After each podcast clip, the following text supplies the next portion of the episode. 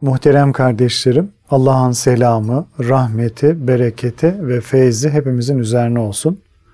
Cumanızı tebrik ediyorum. Kalbimiz ve gönlümüz huzur ve saadetle dolsun inşallah.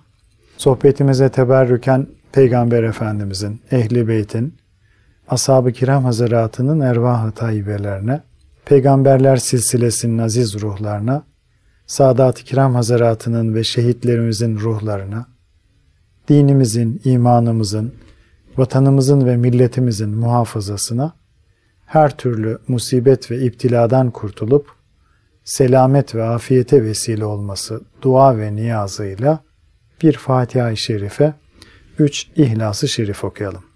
Euzubillahimineşşeytanirracim. Bismillahirrahmanirrahim. Elhamdülillahi Rabbil alemin ve salatu ve selamu ala Resulina Muhammedin ve ala alihi ve sahbihi ecmain. Muhterem kardeşlerim, Cenab-ı Hak Kasas suresinin 77. ayeti kerimesinde ve ahsin kema ahsenallahu ileyk. Allah'ın sana ihsan ettiği gibi sen de başkalarına ihsan et buyurarak kendi cömertliğinin bir benzerini kullarında da görmeyi arzuladığını beyan etmektedir. Bunun için ilahi ahlakı yaşamak isteyen bir mümin elinden, dilinden, halinden, kalinden velhasıl maddi manevi bütün imkanlarından ikram halinde olarak Cenab-ı Hakk'ın rızasını aramalıdır. Muhterem kardeşlerim, kainat ilahi hakikatlerin öğrenildiği bir dershane gibidir. İmtihan edilmek üzere dünyaya gönderilen cinler ve insanlar da bu dershanenin talebeleridir. Bu dershanedeki manevi eğitim son nefese kadar devam edecek. Neticede insanoğlu müsbet veya menfi amelleriyle kabre girerek ahiret yolculuğuna başlayacaktır. Rabbimiz bu dünyaya geliş ve buradan da ahirete geçişin sır ve hikmetini gereğince idrak edip hayatımızı ona göre tanzim edebilmemiz için pek çok ayetiyle bizleri irşad etmektedir. Nitekim Kur'an-ı Kerim'in ilk emri İkra Bismi Rabbikellezi halak Yaratan Rabbinin adıyla oku ayeti kerimesidir. Bu ayetle murad edilen en geniş mana ise müminin öncelikle Kur'an'ı, kainatı, olayları ve bizzat kendi yaratılışını tefekkür edip bu ilahi kudret akışları karşısında duygu ve fikir derinliğine varabilmesidir. Böylece yeryüzünde Allah'ın şahidi olarak İslam'ın nezaket, zerafet ve güler yüzünü davranışlarında sergileyebilmesidir.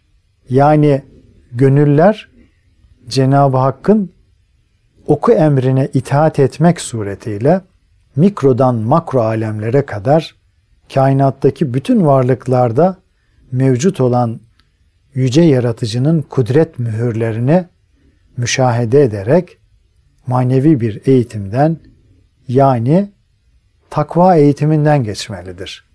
Nasıl ki çiçekler hayatlarının devamı için daima suya muhtaçsa kalpler de feyiz ve ruhaniyetin devamı için takvaya muhtaçtır.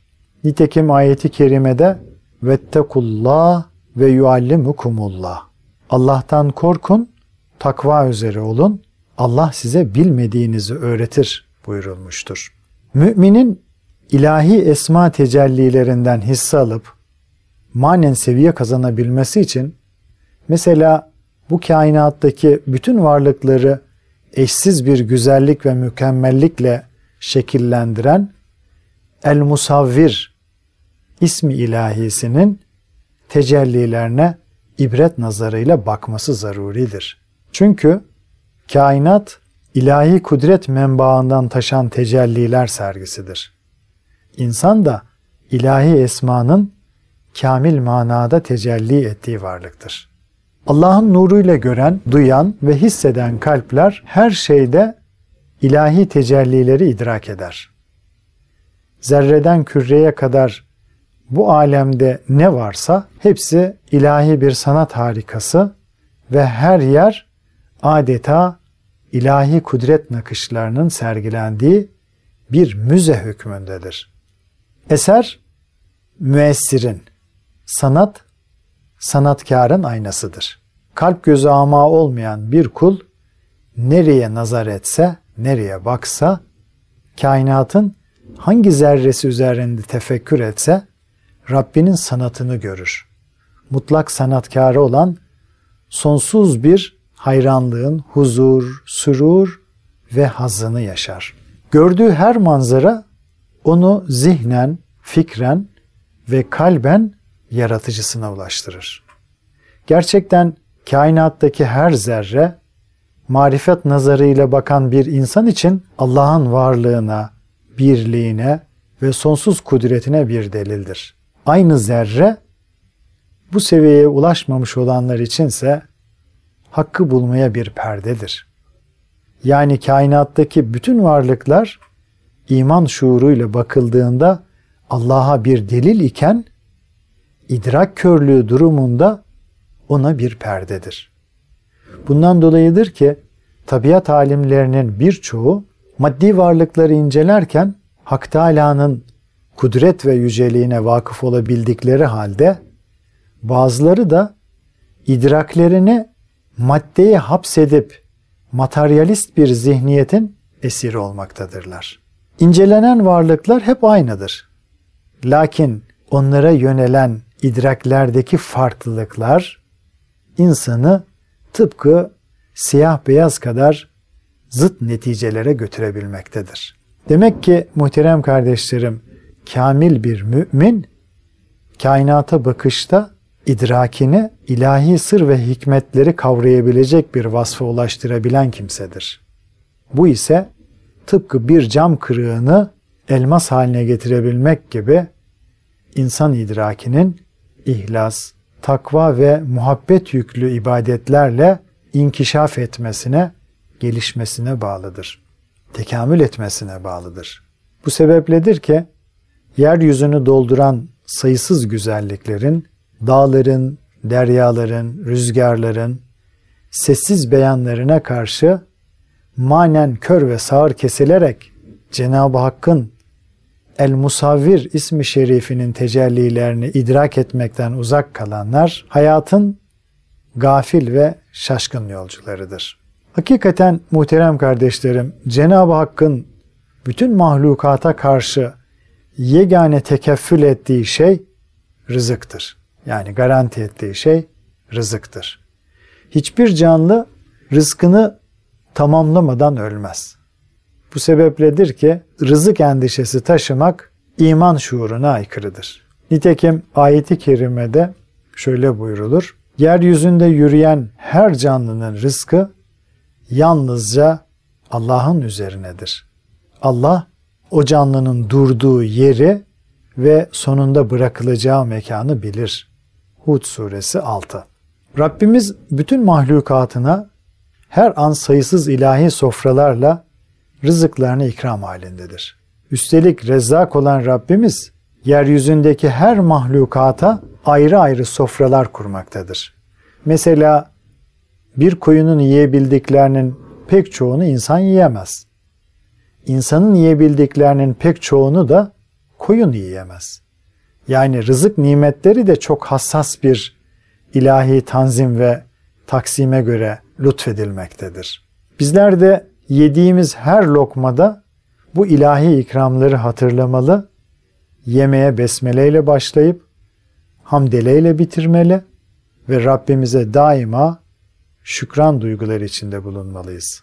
Hatta açları doyurmak, susuzlara su ikram etmek suretiyle mahlukatın rızıklanmasına hayırlı bir vasıta olabilmeye gayret göstermeliyiz. Zira nimetlere şükür iki şekilde gerçekleşir. Birincisi bütün nimetlerin Cenab-ı Hakk'ın lütfu olduğu idrakıyla lafzen yani sözlü olarak şükretmektir. İkincisi ise o nimetlerden mahrum olanlara ikramda bulunmaktır.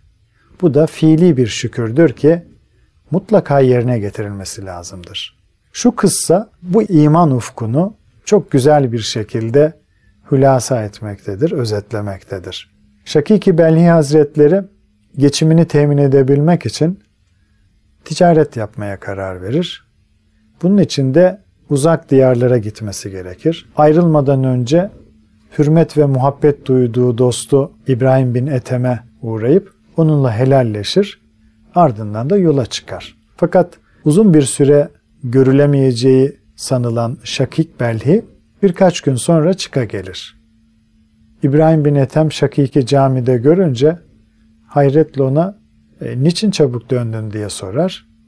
Şakik de yolculuğumda çok acayip bir şey gördüm ondan dolayı erken döndüm der. İbrahim bin Ethem hayırdır inşallah ne gördün deyince e, Şakik Belhi e, şöyle anlatır. Yolculuk esnasında dinlenmek için bir kenara çekilmiştim. Orada kör ve topal bir kuş gördüm. Kendi kendime acaba bu kuş burada yalnız başına nasıl yaşıyor? Ne yiyip ne içiyor diye düşünürken az sonra ağzında yiyecek taşıyan bir başka kuş çıka geldi. Bu böyle birkaç defa tekrarlandı. Bunun üzerine ben e, bu kuşu bu ıssız yerde rızıklandıran Allah elbette beni de rızıklandırır. Onun buna gücü yeter dedim ve geri döndüm. Bunun üzerine İbrahim bin Ethem Hazretleri şöyle der. Şaşarım sana ey Şakik. Niçin kendini başkasının yardımıyla yaşayan kötürüm bir kuşun yerine koydun da hem kendisi için çalışan hem de diğer düşkünlere yardıma koşan kuş gibi olmayı düşünmedin. Bu sözler üzerine Şakik hakikati anlar. Hemen kalkıp İbrahim bin Ethem'in elini öper ve ticaretine geri döner. İşte ailesine, akrabasına ve çevresine ikram ederek ilahi ahlakı yaşama gayreti Cenab-ı Hakk'ın muhabbet ve rızasına eriştiren bir fazilettir. Mümin de rızık hususunda yanlış tevekkül anlayışlarına kapılmayıp gücü yettiği sürece sayu gayret göstermeli ve böylece rızıktan çok Rezzak'ın peşinde olma ferasetini, firasetini kazanmaya çalışmalıdır. Muhterem kardeşlerim, Rabbimiz son derece cömerttir. Büyük lütuf ve ihsan sahibidir. Allah katında kerem sahibi yani kıymetli ve itibarlı olmak da bu dünyada kerim olmaya yani cömertliğe bağlıdır. Nitekim İbn Abbas radıyallahu anha kerem nedir diye sorulduğunda o da şu cevabı vermiştir. Allah Teala Kur'an-ı Kerim'de inne ekremekum indallahi etkakum. Muhakkak ki Allah katında en keremliniz, değerli olanınız, ondan en çok korkanınızdır buyurduğu gibi takva sahiplerinin halidir. El-Kerim ismi ilahisinden hisse almış olan müminler gece gündüz demeden gizli ve aşikar bir şekilde infakta bulunarak gönüllerini adeta bir sebil ederler. Hazreti Ömer radıyallahu anh'ın gece vakti sırtında un çuvalıyla fakir mahalleleri dolaşması, Zeynel Abidin Hazretlerinin gece karanlığında fukaraya erzak taşımaktan sırtının yara bere içinde kalmış olması, hak dostlarının kerem ufkundan sadece bir iki misaldir. Cenab-ı Hak ayeti kerimede ve ahsin kema ahsenallahu ileyk. Allah'ın sana ihsan ettiği gibi sen de insanlara ihsan et buyurarak kendi cömertliğinin bir benzerini kullarında da görmeyi arzuladığını beyan etmektedir. Bunun için ilahi ahlakı yaşamak isteyen bir mümin elindeki nimetlerden muhtaçları da faydalandırmalıdır. Elinden, dilinden, halinden, kalinden, velhasıl maddi manevi bütün imkanlarından ikram halinde olarak Cenab-ı Hakk'ın rızasını aramalıdır. Nitekim böyle bir arayış içerisinde olanlara Rabbimiz şu müjdeyi vermektedir. Şüphesiz ki iyilik edenlere Allah'ın rahmeti çok yakındır. Araf suresi 56. Muhterem kardeşlerim, Cenab-ı Hakk'ın Rahman ve Rahim esmasından hisse alıp bu ahlak ile yaşayabilmek, ulaşılan her yere rahmet tevzi etmekle mümkündür. Rahmeti yaymakla mümkündür. Zira merhamet imanın en güzel, en güzide meyvesi ve ilk neticesidir ki mahrumlar için müşfik bir sığınak ve barınak olmayı gerektirir. Kur'an-ı Kerim'de karşımıza çıkan iki esma-i ilahiye de Rahman ve Rahim'dir. Fatiha suresinin başındaki besmeleyi o aslında başka bir surede geçen bir ayet olduğu halde burada teberrüken kaydedilmiş kabul etsek bile o surede de karşımıza ilk çıkan Allah'ın Rahman ve Rahim esmasıdır. Allah'ın rahmet tecellilerinden layıkıyla nasip almış bir mümin de başta insan olmak üzere hiçbir mahlukatın sesli veya sessiz feryadına bigane kalamaz. Onur görmezlikten gelemez. Elinden gelen hiçbir yardımı esirgeyemez. Nitekim hak dostu Mevlana Hazretleri bu ilahi ahlaktan almış olduğu nasiple der ki, Şems bana bir şey öğretti. Dünyada bir tek mümin üşüyorsa ısınma hakkına sahip değilsin. Ben de biliyorum ki yeryüzünde üşüyen müminler var. Ben artık ısınamıyorum. Yani Şems-i Tebrizi Hazretleri Mevlana'ya Allah'ın kullarının üşümesinden ürperen bir vicdan hassasiyetini öğretmişti. Hakikaten bedenin ısınması giysilerle mümkündür. Lakin vicdanın ısınabilmesi ancak merhamet tezahürü davranışlarla kalbin Cenab-ı Hakk'a yaklaşmasına bağlıdır. Bu misal mahlukatın her türlü mahrumiyeti karşısında kullanılması gereken bir şablon gibidir. Bu yüzden her türlü felaket ve sefalet manzaralarının bedenlerden evvel vicdanları ürpertmesi icap eder. Bu şekilde hakka istikametlenen, yönelen vicdani ürperişler gönülleri ısındırıp huzura sevk eder. Şüphesiz ki bu hal müminlerin yaratandan ötürü yaratılanlara karşı sahip olmaları gereken evrensel merhamet ufkunun bir tezahürüdür.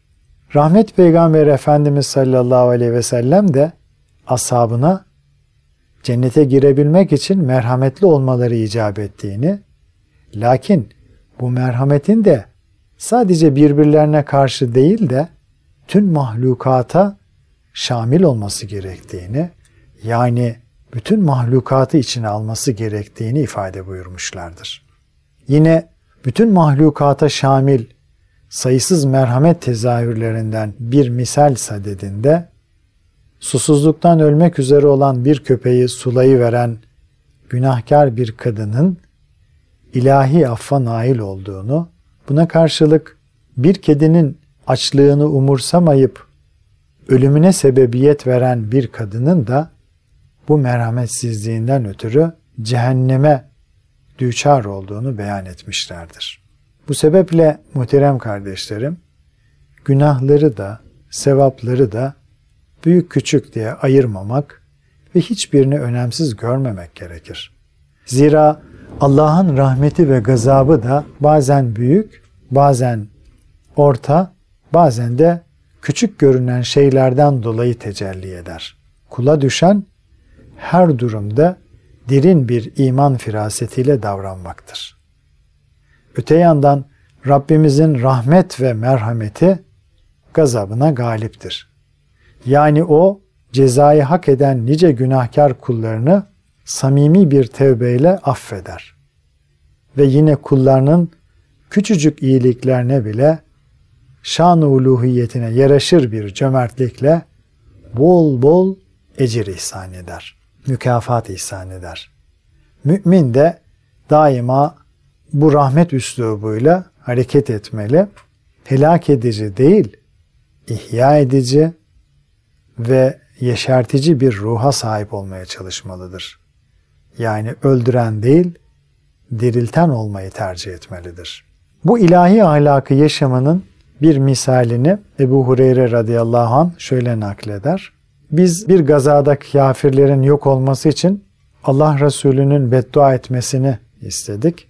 O ise ben lanet etmek için değil, rahmet olarak gönderildim buyurdu. Yine Rabbimiz Resulünü müminlere karşı rauf, son derece müşfik ve rahim, son derece merhametlidir şeklinde takdim etmiş ve onu taltif etmiştir, övmüştür. Yani ilahi esmadan olan Rauf ve Rahim'in Resulünün en bariz, en açık vasıflarından olduğunu beyan buyurmaktadır. Müminler olarak bizler de gönlümüzü bir rahmet dergahı kılarak Rahman'ın kulu ve rahmet peygamberinin ümmeti olduğumuzu her fırsatta ispat etmeye gayret göstermeliyiz. Rabbimiz cümlemizi bütün ilahi isim ve sıfatları üzerinde layıkıyla tefekkür eden, onların gerektirdiği güzel ahlak ile yaşayan ve böylece ilahi muhabbet ve dostluk iklimine vasıl olan, ulaşan, kavuşan kullarından eylesin. Amin. Kalın sağlıcakla muhterem kardeşlerim.